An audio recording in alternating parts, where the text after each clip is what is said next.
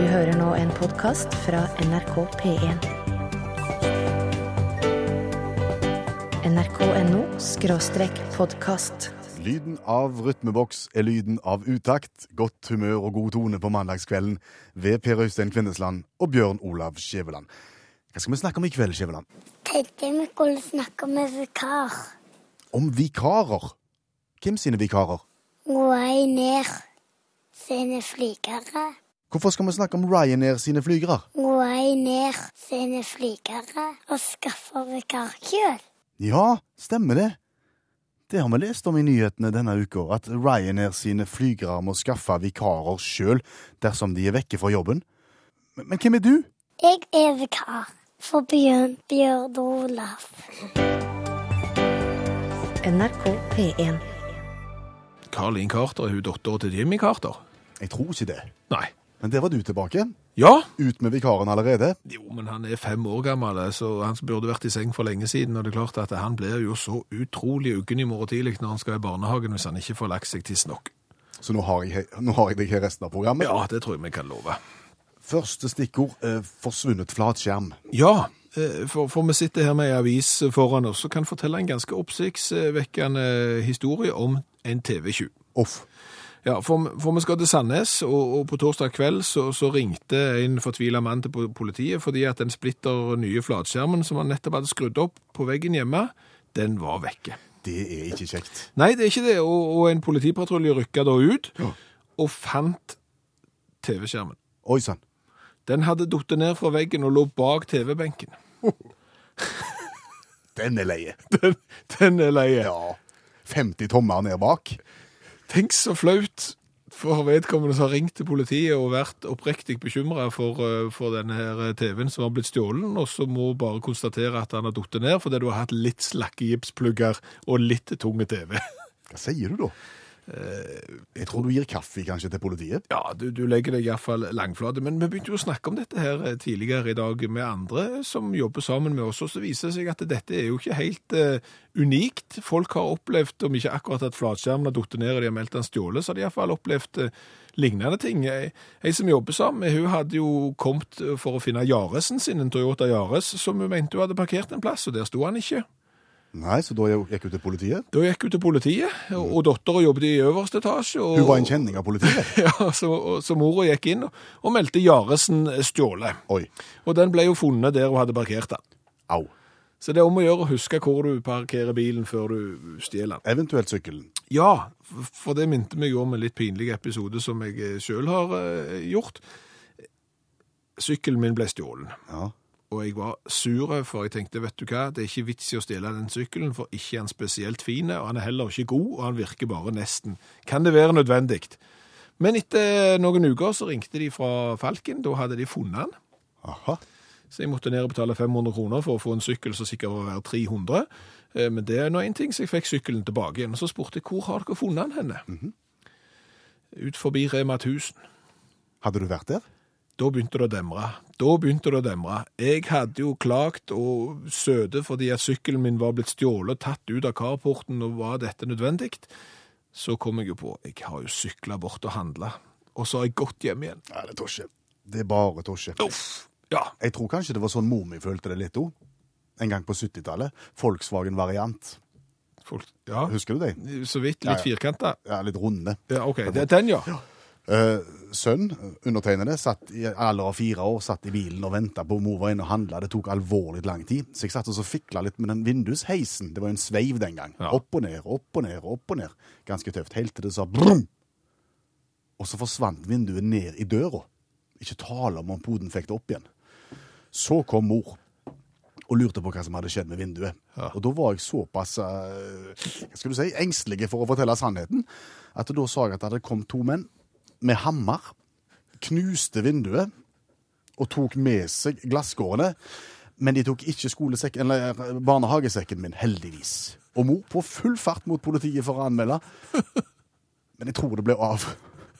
Avslørt i siste sekund. Hvordan har du i en alder av fire klart å hoste opp en sånn historie? Det er jo oppsiktsvekkende. Du har vært forut for din tid, du, Per Øystein. Åh, du skulle bare visst hvordan jeg har fortsatt. Ja. nrk.no podkast.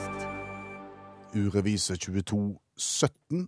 Hva viser temperaturen, Skjæveland? Temperaturen ut forbi studiovinduet viser 11,5 grad, og det er nesten vindstilt. Det er 0,6 meter per sekund. Ergo så er det 11,5 grad ute. Hadde det blåst, hadde det vært kuling fra nordvest, f.eks. Så hadde det vært mye kaldere. Yes, i hvert fall. Det hadde opplevd mye kaldere, og dermed så hadde du fått det begrepet som heter opplevd temperatur, Ja. som da ligger mye lavere. Ja, og, og, og det er jo gjerne sånn at eh, hvis det er null grader ute, og så blåser det veldig, så du sier, så er det liksom den effektive temperaturen, den opplevde temperaturen, er gjerne minus en hel haug. Er det bare i forbindelse med temperatur og luft en bruker opplevd? Ja, og, og det, jeg tror det. Ja. Og det er, er rart, for det er andre ting som oppleves på en helt annen måte enn det som står. Ja, eksempel hvis du bader. Ja, jeg, jeg bader jo ikke med mindre det er 24 grader i vannet, ergo bare i syden. Og, og hvis du skulle være så uheldig å falle ute i 20 grader, Ja. så oppleves det som 10. Ja. Opplevd badetemperatur. Ja, det, altså det der med sånn uh, Lysefjorden Marina 20 grader, opplevd 10 grader, det burde det ha stått. Du kan flytte det inn i økonomien òg, ser du. Hva? Rentene. Ja, Effektive renter 3,9, Ja. for eksempel. Føles det sånn? Ikke når jeg skal betale de, da Nei. føles det som de er 25% Opplevd rente 25% Men, men så er det jo litt sånn med, med bil Ja. Nå er jo bilene blitt eh, så fine at du nesten ikke merker farten. Og, og i tillegg mange strekninger har de satt ned farten fra 80 til 70 km i timen, og så kjører du 70, og så oppleves det som om det er 40. Opplevd fart. Og du har høydeskrekk. Ja, lite grann. Jeg har iallfall vært oppe i sånne klatretårn og vært oppe i eh, sånne korger som henger for å reparere fjellsider, og da skal du visstnok da være 27 meter over bakken. Opplevd høyde 250. Jeg lurer på om folk har tatt poenget nå. Jeg tror du skal ta en til. Ja, jeg tar én til. Barnaselskap. Ja. Eh, ti gjester i, i, i bursdagen til poden. Ja. Opplevd gjesteantall 250. NRK P1. Hva mener du med at du, når du spør hva de er galt for Bee Gees? For, for i starten så sang de jo helt vanlig, og så vet ikke jeg hvordan de har kommet på det, om de har sittet på et litt seint nachspiel og et eller annet har skjedd, og så har plutselig han ene liksom begynt å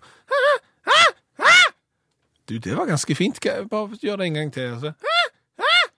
Det har vi jo nesten en sang. Jeg vet ikke. Det var det jeg mente med når gikk det galt for Bee Gees, men det er gysla fint og tøft for det. Skal vi gå til en av de faste postene i programmet? Oppfinnelser. Ja, for vi har eh, i fem uker nå snakket om oppfinnelser av en sånn karakter at de ikke nødvendigvis ble en suksess. Nei, men det var mange ja-folk rundt oppfinneren i en periode. Absolutt. Og, og du kan jo liksom lure på hvorfor i all verden har dette blitt satt i produksjon, eller har dette i det hele tatt havnet på tegnebrettet eller et eh, patentkontor. Men vi er jo ikke helt patent til å ta oss av dette sjøl. Nei, vi har henta hjelp utenfra. NRK.no podkast. Uh, vi skal snakke om eh, Japan Um, Og oppfinnelser. og oppfinnelser. Japanske oppfinnelser skal vi snakke om. Eh, fordi at Japan er jo et land som er ganske glad i det absurde. De dyrker det litt, og så er de glad i eh, høyteknologi eller ja, nyutvikling og slike ting. Og dette her er kombinasjonen, da. Det er sånne japanske oppfinnere som heter Kenji Kawakami, som på 80-tallet eh, begynte med noe som han kalte for eh, noe så vanskelig som shindogu. Det dreier seg om eh, å lage oppfinnelser som er ubrukelige, men òg har en nytteverdi. Altså både ubrukelige og brukelige. Dette her eh, Det er litt sånn som Skjæveland. Ja, mye samme. Kom i kategorien. Men, men eh, dette her har blitt en slags sport i Japan, da. Eh, og det er laga mye tøys med, ut av det. Men, eh, men en del av det har på en måte gått videre, da. Eh, en del av opplegget med denne sporten er at det skal aldri bli patent på det, og det skal heller ikke selges kommersielt. Men en del av det blitt såpass populært at det blitt solgt kommersielt. Enda ingen store suksesser, men, eh, men, men en del av det er mulig å få tak i på forskjellige nettsider. Eh, og der har du eksempel eh, du går på byen, og så regner det når du går ut. Jeg har kanskje opplevd det her. sant? Og så kommer du til byen, og så er det solskinn. Og så går du rundt med paraplyen din som en tosk. Ikke sant? Og da har de japanske oppfinnelsene funnet, funnet opp paraplyslipset. Altså en kombinert paraply og slips. Det vil si at du bare hekter paraplyen rundt eh, halsen, og så ser det ut som et slips, og så slipper du å på en måte framstå som en idiot eh, på byen. Solgt i liten skala, men folk eh, har kjøpt det, altså. Eh, litt mindre vellykka var den såkalte Swiss Army Knife-utgaven av hageredskap. Eh, du tar da Spader, rive og, og, og alt i ett. greip og, og den type ting. Eh, ja. Visste jeg ble tungt og uhamselig, for å si det slik, da. Men, eh, men for, for en samler så er det jo kjekt, da. Men eh, jeg har sett enkelte bilder fra rismarken, og det ser ikke spesielt, eh, spesielt smart ut. da. Uh, en tredje oppfinnelse som er solgt mye av, den, eh, den kunne jeg egentlig tenkt meg sjøl. eh, de har sikkert opplevd at de, de har sovna når de sitter. Her er det? Sitter oppreist, og så får de Ja. ja, sitter og nikker. for Våkner og har dårlig vondt i nakken og en med andre. Og eh, de har sikkert tatt T-bane, har de gjort det i eh, forskjellige plasser i verden. Og du ser da pen Faktisk i Japan òg. har du det, ja, og pendlerne sitter der og sover. Ja. Mm. Mye nakkeproblem. Og da har de kommet opp med den såkalte, såkalte Subway Sleeperen, som er en, eh, som er en vanlig arbeidshjelm. Eh, Og på, bak på arbeidshjelmen så er det da en, eh, et lite stag, og i staget er det festa en sugekopp, så du da setter deg ned i setet, måker sugekoppen inn i vinduet, og så kan du sove der. Kjempepraktisk. Og da tenker mange ja, men hvis du kjører forbi, da? Det har jeg tenkt på, for da har jeg tatt en sånn slags whiteboard-lapp så du kan feste framme på hjelmen, der du skriver stoppestedet ditt. da. Og så er det en oppfordring til alle som sitter med en Subway Sleeper, at du kan da pirke borti og si at ja vel, nå har du kommet til Tokyo. Ja, og så sitter hjelmen såpass fast i vinduet at du får den ikke av, og så kommer du deg ikke av toget likevel. NRK P1. Hvordan går det med utakt, Skjæveland? Jo, jeg håper jo og tror at det går greit med utakt. Spiser godt da? Ja, spiser forhåpentligvis godt og, tar dressur, eh, og gjør som han får beskjed om. Og vokser til? Ja, og, og kan bli en, en god uh, hund. Ja. Det er ikke sikkert alle hørte programmet første, forrige mandag. Nei, eh, nå har jeg akkurat sendt òg en melding til, til eieren av Utakt for å høre hvordan Utakt oppfører seg. For forrige mandag så, så fikk vi en hund som ikke hadde navn, og plutselig så fikk han navn. Den ble da kalt Utakt, en vaskeekte bokser. Så forhåpentligvis så får vi svar fra eieren, og forhåpentligvis så får vi et positivt svar på at Utakt gjør som han skal, og ikke gjør fra seg der han ikke skal. NRK.no podkast. Du, Skjæveland, før programstart i dag så la vi ut et bilde av deg på Facebook-sidene våre og stilte et spørsmål. Og sjelden har vel responsen vært såpass voldsom, og sjelden har majoriteten av kvinner vært så stor. Jeg vil si 98% av svarene kom fra kvinner, 2% fra menn, og det er vel også på en måte svaret på spørsmålet. Ja, eh, jeg tror nesten du må utdype nå, for nå ble det gjerne litt kryptisk for de som ikke har sett bildet. Ja. Bildet viser Skjæveland i sin nye genser innkjøpt i Spania. Og den har to litt merkelige anordninger i halsregionen. To eh, hemper, eller løkker, tynne sådanne, Ja. stropper. Ja, og og hvis jeg tar de ut og opp av genseren der de egentlig hører inne, så passer de rett opp på ørene nesten. Det, det kan nesten virke som han skal henge i ørene, og det skal han jo ikke. Nei. For det vil jo se dumt ut. Ja. Det var noen som så genseren din på jobb her og sa at det er jo veldig mange damegensere som har den type anordning. Og da kom jo spørsmålet, har du rett og slett vært og kjøpt deg en damegenser? Ja, det er jo det, fordi at vi har jo sett sånne hemper før, fant vi ut, og det er jo gjerne da i stroppløst. Ja. Eh, Noe litt stroppløst, eller noe med veldig utringning på, så er så utringet at skal du henge den på kleshengeren, så må du ha noe å henge den på, for, for det er jo ikke noe annet å henge den på, og dermed så må du ha noen stropper. Og sånn har jeg på genseren min, og i, i, i løpet av mine 42 år som genserbruker, så har jeg jo aldri hatt genser med, med sånn. Nei, men har du hatt så stor utringning i genseren din noen gang? Mulig ikke. Men alle damene som har kommentert, har de gitt, deg- gitt deg svaret? Ja, så her er det jo det, det er vel nok typisk at dette er for å henge den opp. Og, Ja. og da er jo spørsmålet Hvis jeg har kjøpt meg genser som er så utringet at jeg er nødt til å ha løkker i den for å henge den på snor, Nei, for å henge på klehenger, så, så er det kanskje ikke et kvalitetsstempel for den genseren jeg har kjøpt meg. Men, men, men damene som har svart her, de, de bruker disse hempene til mye rart. Oh. Noen har de på, syns det er kjempepraktisk når du skal henge det opp. Andre syns jo at eh, det er noe herk. Klipper de av fordi at de detter inn i utringningen. Det må gjerne jeg tenke på òg. Mens andre klipper de av og bruker de som sånn eh, Hvis de skal lage fletter og sånn på, på døtrene sine, så har de dette som sånn knuteholder, strikkegreier. Ja. Mens Knut har foreslått at du kan jo henge de opp over ørene, som du var inne på, for å unngå sagging. Ja, jeg vet ikke hvordan dette her eh, genserprosjektet skal gå. Hva, så, hva, hva andre typer klær var det i den butikken? For å si det sånn, det her var den billigste jeg fant. NRK P1. Som indikerer konkurranse. Mange, mange, mange har meldt seg. Vi har plukket ut Anne. Mellesdal, Fjelland, god kveld. Anne, Ja, god kveld. direkte fra bilen har vi skjønt. Ja, vi sitter nå og skal inn i Våkrafjorden. Ja. Og dette her er på en måte et litt sånn samarbeidsprosjekt mellom deg og mannen, har jeg skjønt. Ja, det stemmer det. Han eh, velger tema. Og jeg eh, er ikke sikker på om jeg kan så mye om hans tema. Men vi får se. Men hvem får T-skjorta til slutt? Nei, den skal mannen få. Den skal- er- ja, det, han skal få T-skjorta. Så, altså, han sender deg på en måte i krigen her, og så, og så sitter han igjen med premien sjøl? Ja, ja, ja. Vi går i fronten. Ja, men dette er jo sjelden. Her er det én som velger kategori, vi må dikte spørsmål, og ei som svarer. Så mange har aldri vært involvert i en konkurranse eh, før på, på, på en sånn måte. Men så er det altså sånn at du velger kategori, eller mannen da, i ditt tilfelle, og svarer du rett, så får du den. Går det steingale, så får du den. Og da burde det meste være klart, og vi er spente på første kategoriene. Jo, da blir første kategori Volvo. Volvo. Volvo! Volvo. Ja, men det skal vi få til. Det skal vi få til. Jeg, jeg, altså, jeg, har jo, jeg er jo vokst opp i en Volvo. Eh, eh, type, type 240, før vi gikk over til 740 GLE med motorisert antenne. Eh, skal vi se. Eh, for å si det sånn, mulig tar feil her, men vi sier at det jeg sier er rett, sier vi uansett.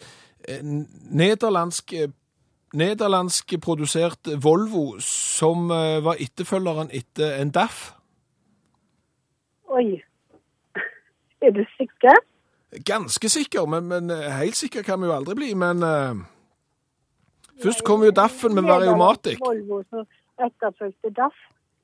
Det var ikke en duett.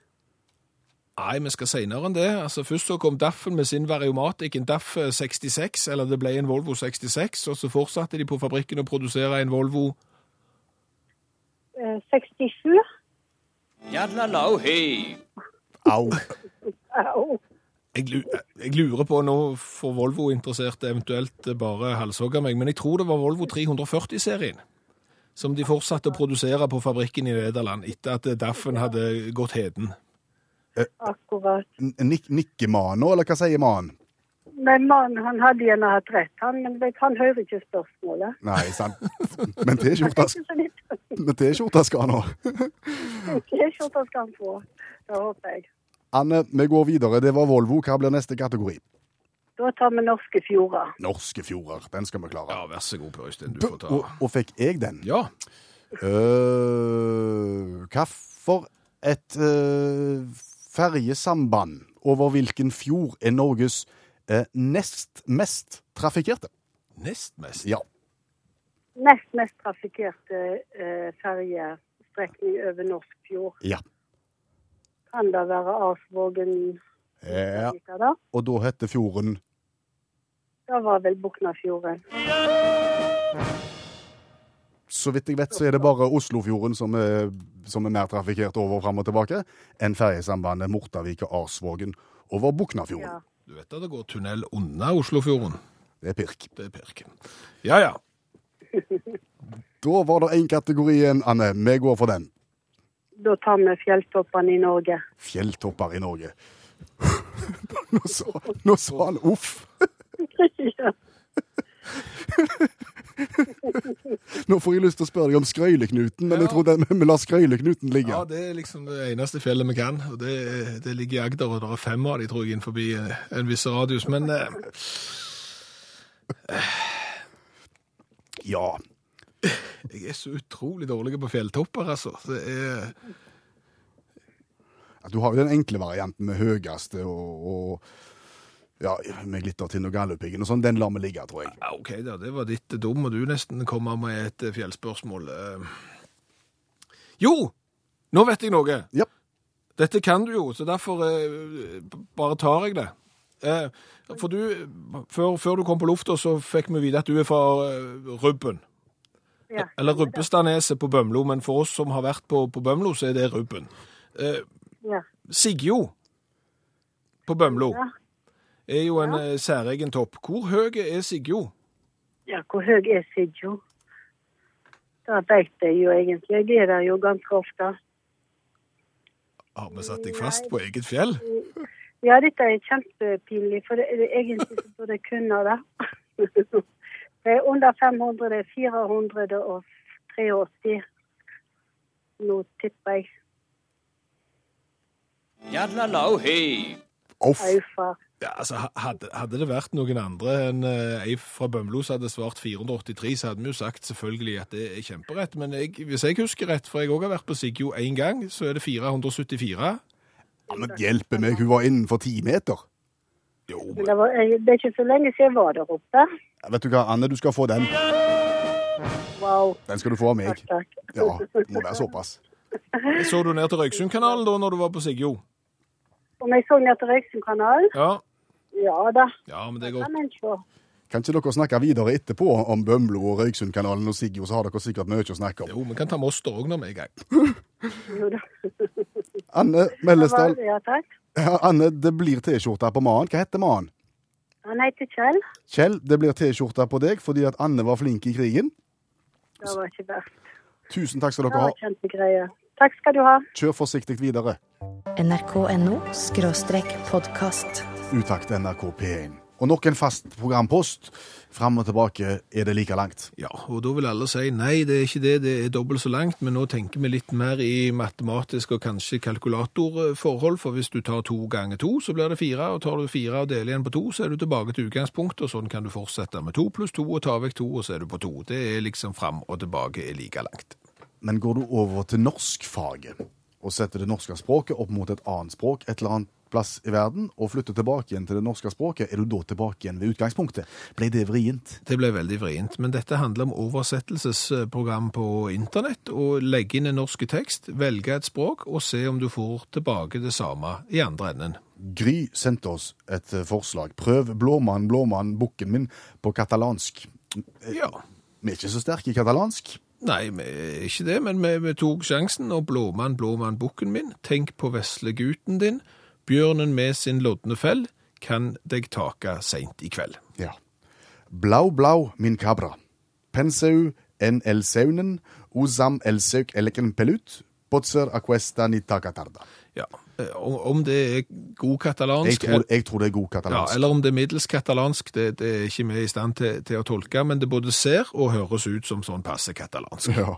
Så putter vi katalansken inn i maskinen og ser om vi kommer tilbake igjen til utgangspunktet hvis vi ber han omgjøre det til norsk. Ja, bukken min har blitt til geit, eh, og blåmannen har blitt til blå, så vi er på blå, blå min geit. Ja. Tenk om barnet ditt. Det var jo ikke galt. Ja, tenk på veslegutten din, tenk om barnet ditt. Ikke så gale, så går det litt skeis.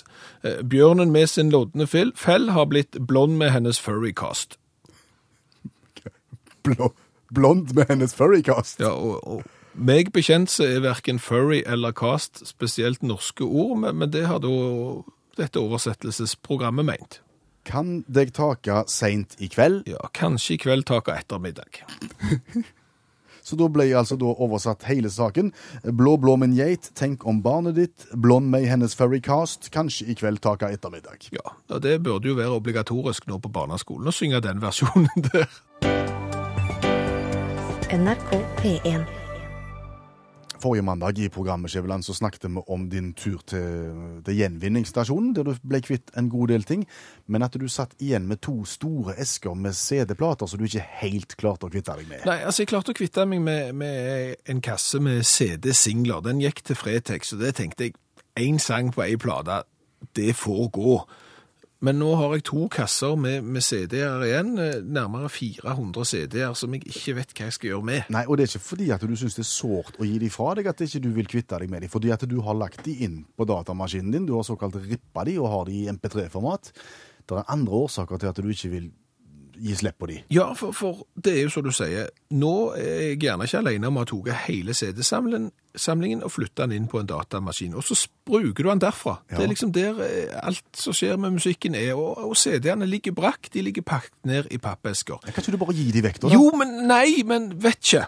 Eh, Fordi, fordi at jeg tenkte jeg, hvis jeg hadde tatt CD-en, altså musikken min på, på PC-en, Ja. og så sagt at vær så god, hvis det er noen ute i uh, værsveven på internett som vil ha musikk av meg, så skal dere få. Det er ikke lov. Det, da hadde jeg fått en eller annen sånn dresskledd eh, litt stor mann fra USA som representerte plateselskapet, plateselskap, som hadde bank på døra mi, og så gitt meg en regning. Fordi at du drev med fildeling. Ja. Og da tenker jo jeg at hvis jeg tar CD-ene mine og gir de til noen andre, Ja. Så har jo jeg musikken sjøl liggende på datamaskinen, og så gir jeg vekk CD-ene mine til vedkommende. Da deler jeg jo egentlig filene, for jeg beholder de sjøl. Jeg gir det jo bare vekk. Det er manuell fildeling. Manuell fildeling. Ja. Og kanskje vil vedkommende hive det inn på sin datamaskin og la CD-ene vandre og vandre. Og sånn sett så har det blitt et litt gammeldags internett. Ja. Manuelt gammeldags internett. Og dette sliter du med, altså. Ja, og jeg har ikke lyst til å begå noen ulovligheter, så for å forstå dette her med opphavsrett og hvordan dette virker, så, så har vi tatt kontakt med advokat Odd Rune Torstrup. Og hva er egentlig greia her? Det som eh, er saken, det er at åndsverksloven den har jo bestemmelser som gir vern for de som har produsert et åndsverk, f.eks. lagd en sang, f.eks. da. Og, eh, og eh, det, men det å gi vekk en CD, hvis du gir vekk den eksemplar som du selv har kjøpt og fått lovlig tilgang til, det er ikke fildeling. Det er, å få lov, er å gi en gave, og det har han lov til. Men, men for å gjøre det enkelt, altså, Skjæveland har kjøpt en CD i butikken. Han går hjem og ripper den, som det heter, på datamaskinen sin, sånn at han har et eksemplar liggende på sin datamaskin. Så går han til naboen og gir vekk den CD-en han allerede har rippa sjøl. Er ikke det fildeling? Jo, da gir han gir vekk, eh, det å gi vekk til naboen eh, er ikke ulovlig. At han gir en CD han selv har kjøpt, men det at han på en måte da sitter igjen med en kopi selv, da har han eh, krenket åndsverket til den som har eh, produsert musikk. Så da bør han snarest få fjerna det fra datamaskinen sin?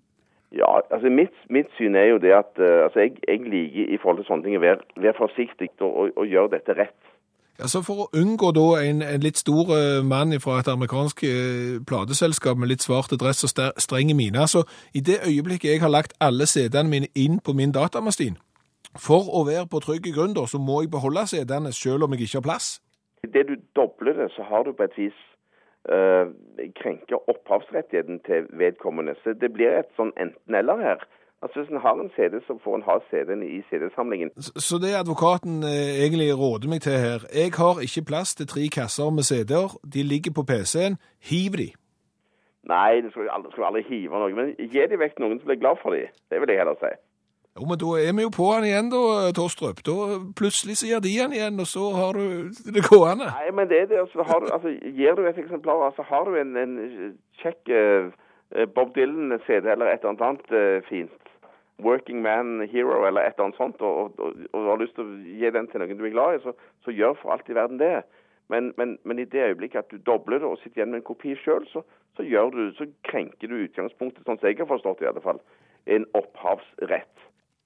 Vi takker advokat Odd Rune Torstrup. Ble du klokere, Skjæveland? Ikke spesielt. Jeg føler nå at hvis jeg skal gi vekk CD-ene mine, så må jeg gi vekk PC-en min samtidig. NRK P1. Overskrift på neste tema i programmet. Reklamasjon på lavt nivå. Ja, for det er vrient. Ja. Det begynte ideen her nå med at jeg skulle glede deg med ei flaske brus i dag. Jeg, jeg kjøpte to stykk Pepsi Max halvliter. Min virka godt, din virka ikke. Nei, altså for å si det sånn, når du åpna din, så hørtes det sånn ut, og når jeg åpna min, så hørtes det Sånn ut. Det var helt dam stilt. Den, den brusen hadde ikke sett kullsyre siden han var født, tror jeg. Så, så den var helt død. Og da blir du så irritert. Ja. Det er ikke kjekt. Du har gleda deg, og den smaker jo bare ikke godt. Men går du tilbake til butikken med en flaske, en halvliter brus som koster 15 kroner og 60 øre, eller et eller annet sånt?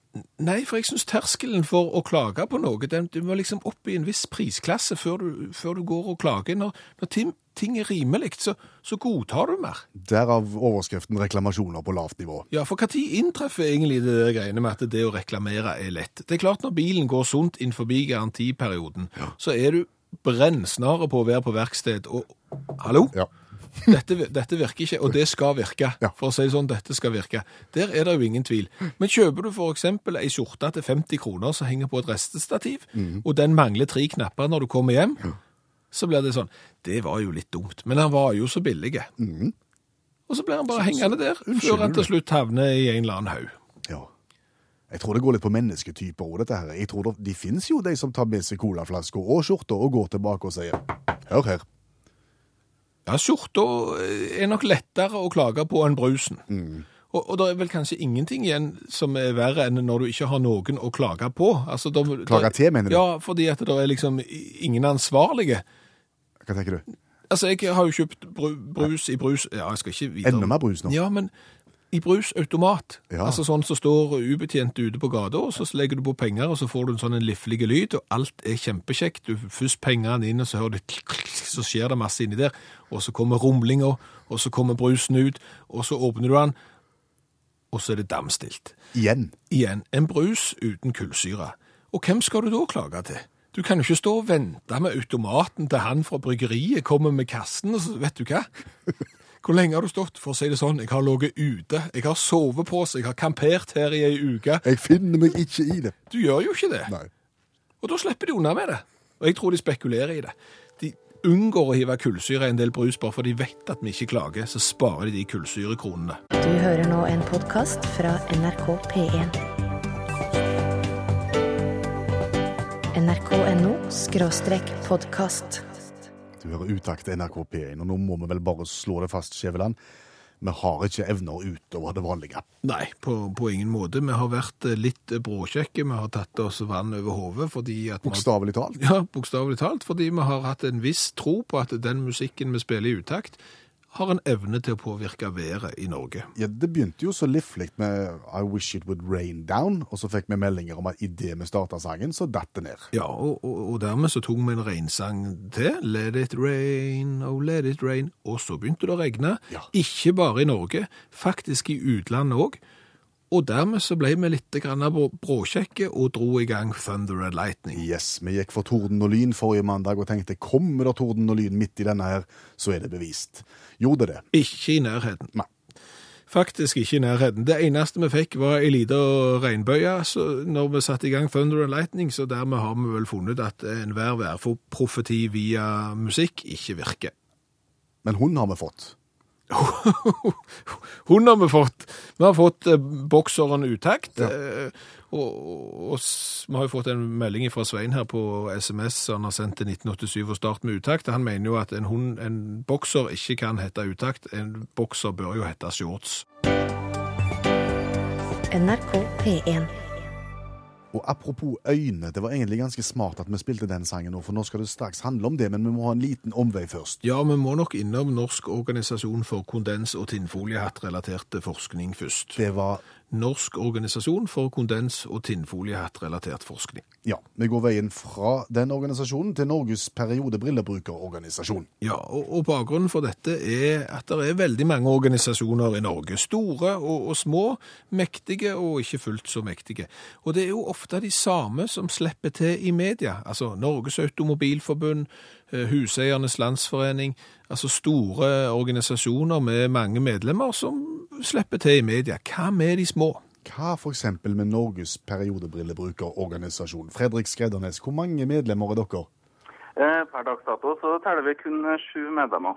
Men vi satser på flere. Hvordan oppsto denne organisasjonen? Det er også når jeg hadde, Vi kom bort til spørsmålet om, eh, om eh, arbeidsgiver var pliktig til å dekke eh, databriller for ansatte. Eh, noe som eh, arbeidsgiver er. Men det er jo et ganske rigid regelverk på akkurat det òg. Så vi, vi syns at her trengs en organisasjon til for å manøvrere seg rundt i byråkratiet. Og dermed så så altså Norges periodebrillebrukerorganisasjon dagens lys. Det stemmer. Har folk fått øynene opp for problemstillingen deres? Jeg kan ikke akkurat si at eh, foreløpig så har ikke eh, mange fått øynene for det. Men eh, det er klart det jo Jeg tror det er mange som ikke vet at f.eks. arbeidsgivere er nødt til å dekke jobbriller hvis man trenger briller eller trenger synsundersøkelse pga. arbeid, eller, eller at man har en arbeidssituasjon til, som tilsier at man kan få, få øyeskade eller slitasje. Er det feil å si at Norges periodebrillebrukerorganisasjon rett og slett oppsto fordi arbeidsgiver her var litt trangsynte? Ja, vi kan si det sånn. Eh, vil du se på dere som en progressiv organisasjon? Nei, det, er- det er nok ikke det. Men nå når dere får satt fokus på det arbeidet dere eh, har nå i riksmedia, hvordan vil du bruke det framover? Jeg vil oppfordre, folk til å melde seg inn, og så selvsagt og så være klar over at man kan få briller dekket av arbeidsgiver. Man kan òg, hvis man er 18 år, få dekket briller av det offentlige hvis man har visse typer eh, synshemminger. Så organisasjonen kommer ikke til å stoppe her med disse syv medlemmene som du har per dags dato? Nei, vi satser iallfall på ti. NRK P1. Fantomet er ikke det det var. Fantomet. Du sa Fantomet. Fantomet. Nei, Fantomet. Nei. Ja, hvem stoler du på? Stoler du på Per Øystein Kvinnesland som er deg, eller stoler du på sjefen? Kim-sjefen.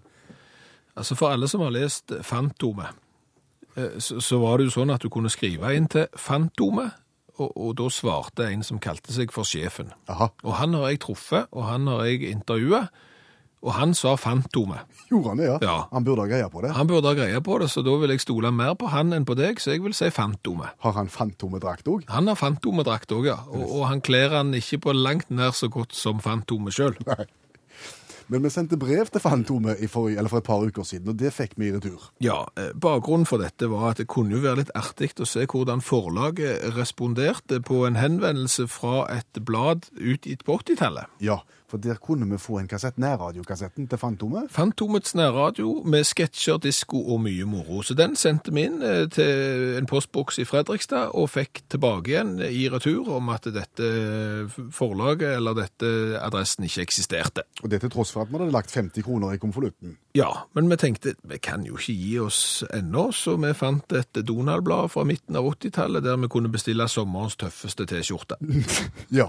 Til kroner 79,50 pluss porto. Det var bare å bestille nå. Vi bestilte da to stykk i extra large, og sendte det av gårde for nøyaktig ei uke siden.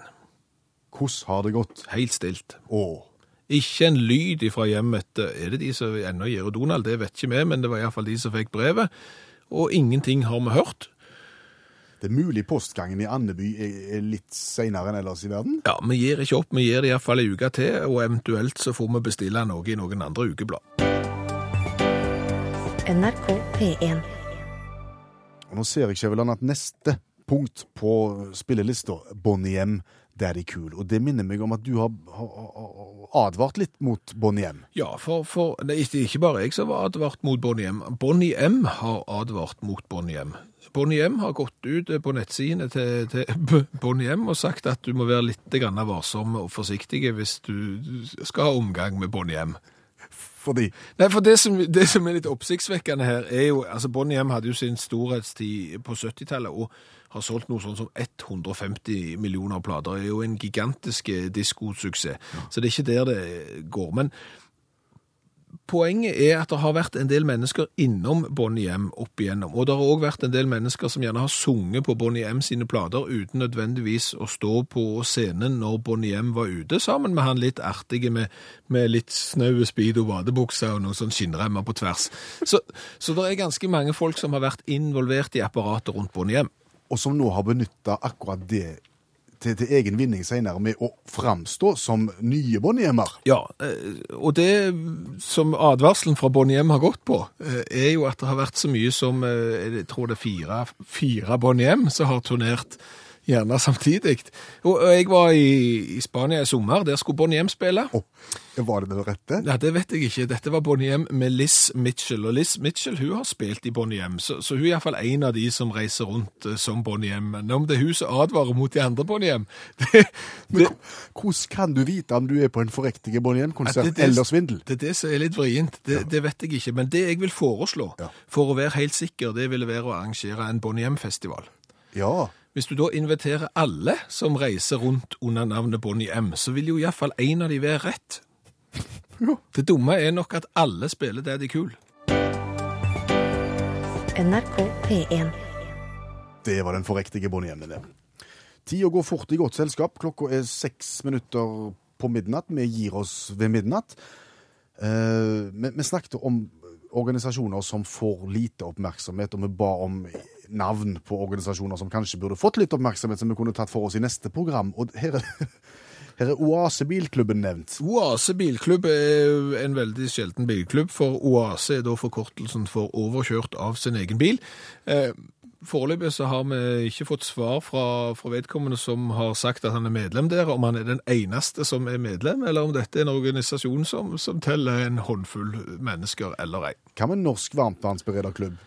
Ja, den er jo ikke så sjelden, for de aller fleste har jo varmtvannsberedere. Så det kunne jo blitt en stor organisasjon. En kanskje mer sjelden en ville vært en kaldtvannsberederklubb. Ja. For den fins vel gjerne ikke ennå. Tusen takk til alle som har bidratt eh, med innspill i løpet av programmet, enten i form av SMS til 1987, som de har starta med Utakt, eller på Facebook-sida vår, Utakt med skråblikk i fokus. Du har nå hørt en podkast fra NRK P1.